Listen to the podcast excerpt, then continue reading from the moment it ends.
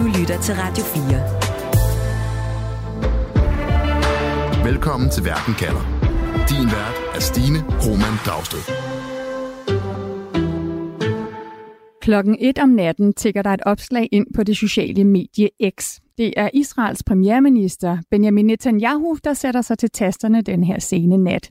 Han beskylder Israels militær og efterretningstjenester for ikke at have advaret ham om, at Hamas ville i krig med Israel. Kort efter, der bliver Netanyahus opslag med den krasse kritik af Israels militær slettet. Netanyahus kritik af hans eget militær kommer samtidig med, at familiemedlemmer til de mere end 200 gisler, som Hamas holder fanget i Gaza, går på gaden i Israel og udtrykker deres utilfredshed med Netanyahus lederskab. Derfor spørger jeg i dag, hvorfor lægger Netanyahu sig ud med sine egne midt i en krig?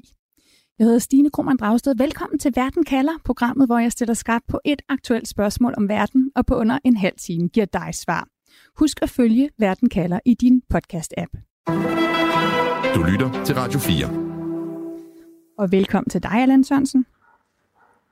Tak skal du have. Journalist med fra Haifa i Israel, mellemøstkorrespondent for Kristi Dagblad. Allan, i weekenden der har der været demonstrationer med vrede opråb imod Netanyahu i Israel. Altså familier til de israelere, der bliver holdt som gisler af Hamas, de har været på gaden, de har demonstreret, og der var meget vrede vendt imod Israels leder. Hvorfor er de israelske familier vrede på Netanyahu? Jeg vil sige, vreden og kritikken og også frustrationen, den er tofoldig. Først og fremmest så hænger det sammen med, at Netanyahu ikke har, øh, ikke har mødtes med de her familier. Øh, ikke særlig mange af dem, og, og, og heller ikke har sendt sine rådgivere ud til familierne. Der er ikke etableret et, et et apparat, der ligesom tager sig af de her mange, mange pårørende. Og det skaber en, en helt klar vrede og, og en frustration blandt de pårørende, som jo øh, tydeligt er, er, er, er altså virkelig øh, psykisk ramt af den her situation. Men så er det også, fordi Israel hen over weekenden satte eller begyndt at sætte det, der ligner en landoffensiv i gang i Gaza. Og der er familierne simpelthen bange for, at, øh, at den israelske landoffensiv vil umuliggøre en øh, eventuel øh, løsladelse af, af de her gisler fra Gaza til Israel. Altså at hæren sætter deres, øh, og dermed Netanyahu sætter deres liv i fare, alle gislernes liv i, i fare, fordi de risikerer at blive ramt, og fordi Hamas ikke vil udlevere dem, mens Israel fører krig. Det er altså 239 israelere, der bliver holdt som gissel af Hamas i Gaza, ifølge den israelske her. Indtil videre er der fire, der er frigivet. Er det ikke korrekt, Allan Sørensen? Jo, det er rigtigt. Der er ja. fire, der er frigivet, og så har vi fået indikationer øh, øh, på, på nogle af gislerne. Altså, der er blevet filmet, og, og vi ved ud, ud fra de film, at de er i live, men altså stadigvæk i fangenskab. Men fire i alt er blevet frigivet. Og Hamas siger jo så, at 50 gisler er døde under Israels bombardement, bombardementer, og det er ikke blevet bekræftet uafhængigt. Og nu har Hamas så netop offentliggjort en video med tre af de kvindelige gisler, hvor de kræver, at Netanyahu går med til at løslade fanger i Israel til gengæld for, at Hamas frigiver gisler i Gaza. Er det, Allan Sørensen, er det, hvad familierne vil have, at Netanyahu skal gøre? Altså en udveksling, eller hvad er det, de mener, han skal gøre anderledes? Alle familierne mener, at, at den israelske regering først og fremmest skal få gidslerne løsladt, koste hvad det vil. Altså, der er ikke en pris, der er høj nok for øh, de her gisler, og det bør være den israelske regerings øh, øh aller, aller højeste prioritet. Og der tales om en, en fangeudveksling, det har Hamas øh, blandt andet nævnt, men også de pårørende til, til gislerne inde i Gaza, de taler om en, en fangeudveksling, hvor Israel skal løslade alle palæstinensiske fanger fra israelske fængsler til gengæld for at, at få de her 239 øh, løsladt. Men det den israelske regering siger, og den går ikke ind i detaljer, og de, øh, Netanyahu talte også om det med familierne, øh, hvor han simpelthen sagde, jeg kan, ikke, jeg kan ikke afsløre alt, hvad der sker bag kulissen, men jeg kan sige, at, at den her øh, altså totale fangeudveksling med de 239 til gengæld for alle de palæstinensiske fanger i israelske fængsler, at den er, at den er umulig. Det har Netanyahu sagt til, til de pårørende, og det har øh, forsvarsministeren øh, Joachim Garland, det har han også sagt til familierne. en ting er, at familierne til gislerne selvfølgelig er deres følelsers vold. Det er deres øh, datter, det er deres søn, øh, mor, far, søstre, bedsteforældre, der sidder i fangenskab. Noget andet er, hvor godt det lykkedes generelt for Netanyahu at være den her ja, landsfader, der samler israelerne nu, hvor Israel er i krig. Hvor godt er det lykkedes, Allan Thomsen? Det vil jeg sige, det er næsten ikke lykkedes overhovedet. Øh, måske med nogle få øjeblikke har, har Netanyahu trådt i, kar- i karakter, men han har manglet, han er en samlet figur øh, for, for brede dele af den israelske befolkning, og især for de her øh, pårørende til gislerne inde i Gaza, fordi han ikke rækker ud, øh, fordi han ikke taler til dem, fordi hans rådgiver ikke taler til dem heller, og fordi øh, øh, det, hele det apparat, som, som de pårørende og resten af den israelske befolkning havde forventet ville komme i stand, måske ikke lige på første dagen efter Hamas' angreb, men så i hvert fald hen af den første uge, og, og især efter to eller tre uger. Men der er stadigvæk mange øh, huller, og, og, og alle ser jo, altså, alle peger jo fingrene øh, af Netanyahu, fordi han i, i, i sidste instans, der er det ham, der er ansvarlig for, hvilke skridt Israel tager, hvilke beslutninger Israel tager i øjeblikket. Og når de så ser, at, at, at de ligesom bliver overset, de her pårørende, jamen så sker der en reaktion, og den, den sender også bølger ud gennem øh, resten af befolkningen, som er, øh, altså hvor der er bred utilfreds med, øh, utilfredshed med, med Netanyahus håndtering af hele den her sag de seneste 3-24 dage. Hvad med de israeler, du taler med, der har stemt på Netanyahu? Han er jo blevet valgt øh, her for nylig, som har støttet ham inden det her angreb, inden den her krig. Hvad siger de til dig i dag? Jeg har, altså, jeg har mødt en række, og jeg kan selvfølgelig ikke generalisere her, fordi jeg ved ikke, hvordan det... Og der er ingen meningsmåler, meningsmålinger og, og, og ligesom øh, citere i den her sag, men jeg har snakket med flere familier, der har stemt på Netanyahu tidligere, og de har sagt øh, til mig, at det her, det er, øh, det er simpelthen dråben. De vil ikke kunne stemme på Netanyahu øh, fremover, fordi han allerede har trådt i spinaten, øh, altså dels fordi han ikke kunne dæmme op over for angrebet den 7. oktober, men også især hans håndtering af, af hele situationen bagefter. Det, det, han, det kan de ikke tilgive ham, og de øh, mener, han gør det på, på nærmest værst mulig vis. Og så er der de mange israelere, der inden Hamas' angreb på Israel og krigen imod Hamas var på gaden for at demonstrere imod Netanyahu og hans regering, som de mente var ved at ødelægge det israelske demokrati og dermed svække Israel. Men giver det overhovedet mening at kritisere Netanyahu nu, hvor Israel er i krig, og israelerne skal stå sammen? Du lytter til Verden kalder på Radio 4. Det skal vi høre om ved at høre fra en af de her tidligere demonstranter, altså en af dem, der igennem de sidste mange måneder før Hamas' angreb den 7. oktober demonstrerede imod Netanyahu og hans regering.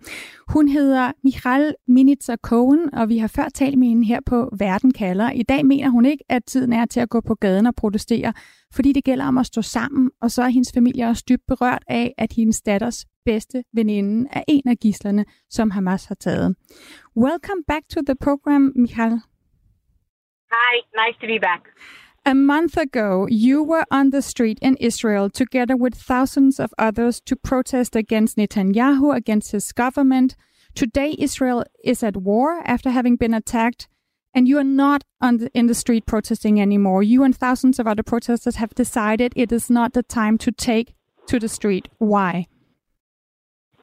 So I think first of all, uh, the first thing that happened is that most of the protesters decided to take our efforts, which were already very organized, and to volunteer in in all the efforts that there are in the country, whether it's to help soldiers or to help uh, uh, the evacuated people from the south. That's the first part. The second part, um, there's kind of a consensus at the moment that we need to stand as one and that we need to support the government, the people, and everyone needs to stand together against a common enemy. That's the general consensus there is at the moment. Hmm. Okay, Michael, let me just translate a bit for our listeners.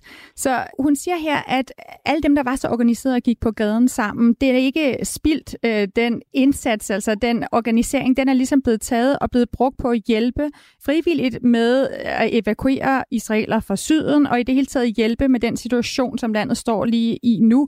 Og der er en generel enighed om, at lige nu, der er tiden ikke til at, at, at skabe splid, så der gælder det om at, at stå sammen. Så nu vil jeg gerne spørge Michael, om hendes syn på, på Netanyahu og hans evne til at lede Israel, om det har ændret sig. Michael, has your view on Netanyahu, you were on the street protesting against him and his uh, government, has it changed your, your view on his leadership? Has that changed? Uh, not at all. If anything, it strengthened what we were fighting for and what we were against. Um, I think uh, essentially we were we were fighting against the government, believing that it's not doing us any good, and uh, I think it continues to feel that way. And I think a lot of us feel that what has happened is part of the policies of this government. And how is that? Um, that the, not the right people were were chosen to lead, um, and that a lot of things were overlooked. And I think um, I mentioned it when I spoke to you about last time when we spoke about the protests. Is that the feeling is is that Netanyahu is acting for himself and not for the the wellness or the welfare or the safety or anything of the people. Mm. And that that feels like this is what is exactly what has happened, and it still feel, feels that way. Så det, som Michael hun lægger væk på her, det er, hun siger, at det er ikke fordi, at hendes syn på Netanyahu eller hans lederskab har ændret sig. Tværtimod, så er hun øh, mindst lige så kritisk. Altså hun føler alt det, som hun og andre har kæmpet imod, at øh, Netanyahu i højere grad satte sin egen interesser over folket og folkets sikkerhed, at han udnævnte folk til regeringen, som ikke havde erfaring, at det er lige præcis en pris, man Israel betaler for nu med den situation, som landet står i nu. Hun har tidligere fortalt om, at øh, de venner og bekendte, som hun har, som støttede Netanyahu og så på hende som en uromager, at de ser anderledes på situationen i dag. Michael, you have friends and you know people who were very supportive of Netanyahu, of Israel's leader, before the attack on Israel, October 7th, who now has a different view, you say. What has changed? So, first of all, I would say that at least 80% of the people who I knew who were still his supporters before the war are definitely not supporters of him anymore. Not specifically of, uh, you know, changing their political views. If anything, a lot of people's political views have become, you know, more radical to either the right or the left. Uh, but at the moment, most of the people who you will ask will say he is not fit to lead our country. And he will not lead our country after this is over. Um, there are still a few who support, um, who will not um, will not change their minds. I think that's more of kind of admitting that they were wrong or that something is wrong with you know that the protests were actually about something that were actually was actually correct. Um, but in in I think almost everyone who you speak to, no matter what side or what spectrum they are in the political spectrum, um, they see his career as over. You are at war right now, and any division within Israel will be used by your enemies. Is this at all a time to debate how your leader is handling the crisis? So again, um, I think I think there's there's two ways to look at it. On one hand, we are all ignoring or not speaking up and not talking about it. Um, I think only a, really a few of my friends are talking about, you know, what went wrong and what we should do. Most of us are concentrating on day to day lives, on trying to to to do our best for our country at the moment. I think, though, we all have it in the back of our mind. It should not be forgotten. We after this is all over, after this is all over, we need to change the government. We need to change policies um, this cannot go on. So mm. that is the general, if you speak to people, that is what they feel. Thank you so much, Michal, for taking time to be on this program and take care of you and your family. Thank you very much. Så lad mig lige oversætte øh, med de sidste to spørgsmål. Altså det, vi hørte fra Michal her, er, at hun siger, at dem, hun kender før, der har støttet Netanyahu, hun mener i hvert fald, 80 procent af dem, de støtter ham ikke længere. Ikke fordi de har skiftet politisk synspunkt, altså de har måske endda endnu mere venstreorienteret eller højreorienteret synspunkt, men at de ikke mener, at Netanyahu egner sig til at lede Israel efter det her angreb. Og så siger hun også, da jeg spørger, om, om det overhovedet er tidspunktet at debattere lederskab af et land, på, når at landet er i krig, at på den ene side, så det er rigtigt, at der er mange, der ligesom hende ikke åbent går ud og kritiserer Netanyahu. De fokuserer på, hvad der skal i Israel lige nu. Men hun siger, at det er meget vigtigt at for hende, at man ikke glemmer, at der skal en ændring til, mener hun, politisk i Israel, når alt det her er overstået.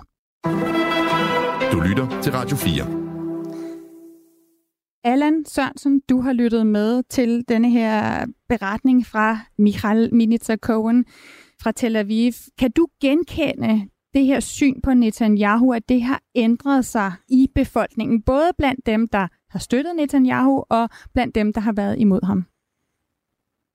Ja, helt klart. Og der, der er en bred opfattelse i, i begge de lejre, at, øh, om at, at øh, nu mens Israel fører krig, jamen, så skal der ikke være nogen politisk debat. Øh, fordi der skal gøres plads til at vinde over Hamas, der skal gøres plads til, øh, for Israels sikkerhed, og der er masser af hensyn at tage øh, lige nu. Øh, og der er ingen højre og venstre for, i, i, i alle de israelske volontører, der er nede og hjælpe øh, alle de fordrevne nede fra syden, og, og alle dem, der de, kører frugt ud og, og hjælper med landbrug, og det ene og det andet. Der er ikke noget højre og venstre. Men den eneste, og det er det, det, der ligesom er pointen her, den eneste, der bliver ved med at puste til den her politiske ild, og den eneste, der, der står frem og siger, øh, eller indikerer, at han tænker mindst lige så meget på tiden efter krigen, øh, øh, sammenlignet med, med, med, hvor meget han tænker på øh, krigen lige i øjeblikket, det er Netanyahu selv. Altså det er ham selv, der sidder og puster til de her gløder. Det er ham selv, der kommer og øh, står op, eller inden han går i seng kl. 1 om natten, skriver på X, at, øh, at herren er, øh, har opført sig sådan og sådan, og det, øh, det klager han nu over mm. i, i al offentlighed. Der er ingen andre, der puster til de gløder, ud over Netanyahu, men, men befolkningen er begyndt at reagere på det. Så lad os vende os til lige præcis øh, det her det her budskab på X, som øh, altså blev slettet. Øh, et opslag på Netanyahus profil, hvor han blandt andet skriver, at han på intet tidspunkt var blevet advaret om Hamas' intentioner om at angribe, altså advaret af den israelske her eller af de israelske efterretningstjenester. Det var altså på det sociale medie X, som man kunne læse det natten øh, til søndag. Et opslag, som nogle af Netanyahus egne rådgiver har reageret på i de israelske medier. Allan Sørensen, hvordan er reaktionen på Netanyahus kritik af hæren og efterretningstjenesterne her?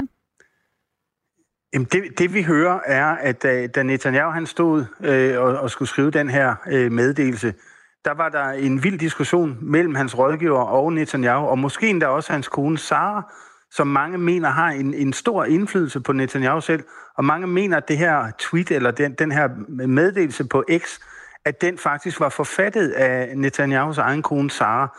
Og der er nogle af rådgiverne, der øh, øh, altså uden for citat, har fortalt israelske journalister, at de kalder det et terrorangreb. Altså at Netanyahu udførte et terrorangreb mod sin egen regering, mod sin egen hær, og mod dem, der skal stå sammen i krigen øh, mod Hamas lige i øjeblikket. Altså intet mindre end et terrorangreb. Og det er jo noget, der virkelig klinger og giver genlyd i, i hele det israelske samfund, at en premierminister opfører sig sådan.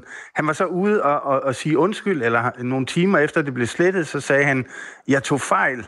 Og så sagde han, øh, gentog han sin støtte til militæret og til Israels sikkerhedstjeneste.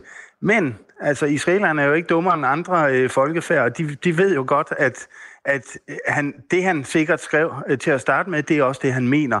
Og så er han senere blevet tvunget til at, at slette det og sige undskyld. Og den her kritik, altså skarpe kritik imod militæret, imod efterretningstjenesterne, har det fået en reaktion hos dem? Altså har vi hørt noget fra, fra militæret, fra efterretningstjenesterne om, at deres egen øverstkommanderende kommer med en kritik på et socialt medie? Altså herrens talsmand, øh, Daniel Hagari, øh, som er på tv hver dag, hver, hver morgen og hver aften, han blev spurgt om det, og, og så sagde han, det spørgsmål kan jeg ikke, eller vil jeg ikke svare på. Øh, og det var jo egentlig svar nok i sig selv, forstået på den måde, at han, han kunne have glædet af, og han kunne sige, jeg kan ikke gå ind i politiske anlægner, og det er ikke mit ansvar og sådan noget. Men han valgte at sige, det vil jeg ikke svare på. Og det er sådan rimelig, øh, eller bliver i hvert fald opfattet som en, en meget, meget bestemt, øh, nærmest en kritik, altså et svar på spørgsmålet alligevel, og en kritik rettet mod Netanyahu. Hvorfor bringer du som Israels premierminister, hvorfor bringer du mig som herrens talsmand i sådan en situation? Og Netanyahu selv er blevet kritiseret øh, på X også af, af, af nogle af de ministre, der nu også sidder sammen med Netanyahu i sikkerhedskabinettet. Altså de, de øh, gav ham nærmest et ultimatum den samme morgen øh, og, og sagde, at, at efter sådan nogle øh, beskeder her, der kan vi simpelthen ikke fortsætte. Og det er derfor, Netanyahu han kom til tastaturet senere og skrev den her øh, meddelelse, hvor han så indrømmede, at han tog fejl. Mm. Lad os kigge lidt nærmere på, hvad den her utilfredshed med Netanyahu og mellem Netanyahu og hæren og efterretningstjenesterne, hvad den har betydning for Israels kamp mod Hamas, øhm, og måske også for andre militante grupper, der står på sidelinjen og følger med. Radio 4. Ikke så forudsigeligt. For vi kan altså konstatere, at Israels politiske leder Netanyahu både har lagt sig ud med i hvert fald dele af den israelske befolkning på grund af hans håndtering af angrebet på Israel den 7. oktober, og at Netanyahu har rettet kritik imod den her og de efterretningstjenester, som lige nu skal ud og føre en krig for Israel. Allan Sørensen, du har talt med en kilde, som er tæt på Hezbollah, altså den her militante gruppe, der har base i Libanon nord for Israel, som ligesom Hamas er på EU's terrorliste. Og den kilde fortæller dig, at Hezbollah holder nøje øje med, hvad der sker internt, den her interne splid i Israel og Netanyahus tweets. Hvad mener de, de kan få ud af den splid? Ja, ja altså jeg skrev sammen med, øh, med den her person på, på WhatsApp, og, og noget af det, han skriver til mig er, øh, og det kom netop i, i kølvandet af det her tweet, eller den her besked på X, det er, at, at øh, uh, Hezbollah jagter og følger nøje uh, de israelske troppe, troppebevægelser. Det er jo helt klart, det skal de gøre, og, og de skyder også på hinanden i øjeblikket. Men noget af det, der er allervigtigst, og noget af det, de holder allermest øje med, det er den splid, den interne splid, som Israel jo har oplevet de seneste 10 måneder, men som nu også ser ud til at fortsætte, til trods for, at Israel er i krig, og til trods for, at Israel øh, burde stå skulder, øh, altså skulder med skulder øh, i kampen mod Hamas og mod Hezbollah. På trods af det er der stadigvæk splid i, i de allerøverste led i den israelske regering og den, det, det israelske øh, krigskabinet. Og det, sagen, det, det er noget, der øh, virkelig bliver lagt mærke til øh, øh hos Hezbollah. Hamas har som nævnt jo offentliggjort en video af tre israelske kvindelige gisler, som er ret voldsom. Øh, og de henvender sig direkte til Netanyahu, altså Israels premierminister, og de råber desperat og vredt, at han skal få dem hjem til deres familie. Prøv lige at høre et lille klip her.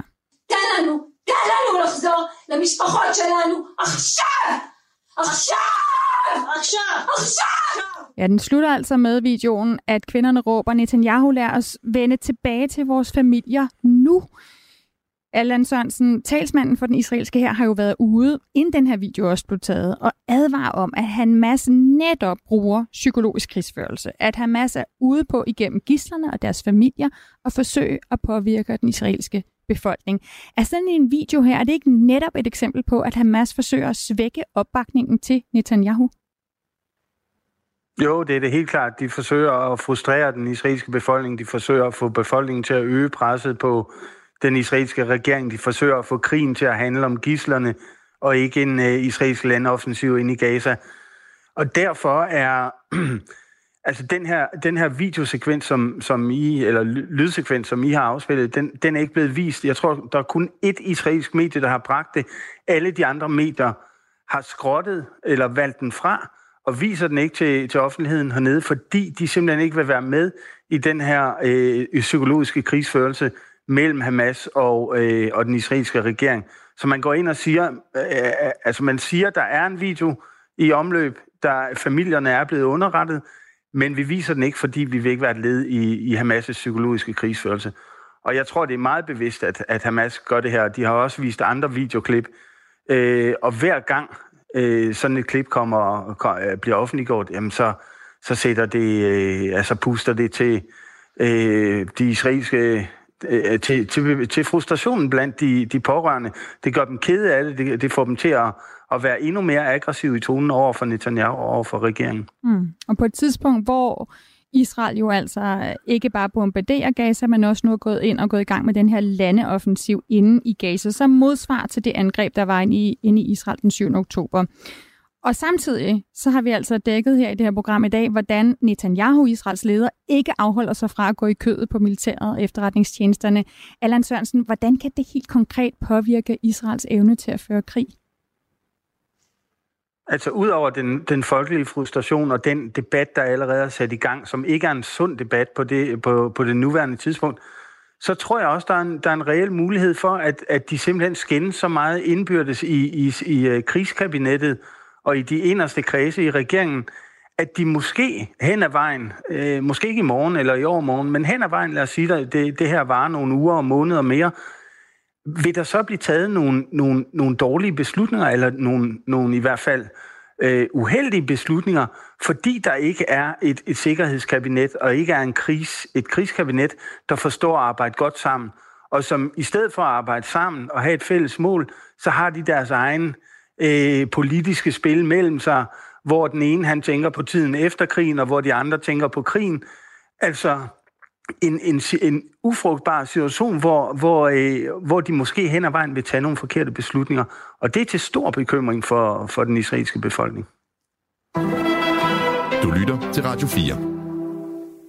I verden, i, kald, I verden kalder i dag, der spørger jeg, hvorfor lægger Netanyahu sig ud med sine egne midt i en krig?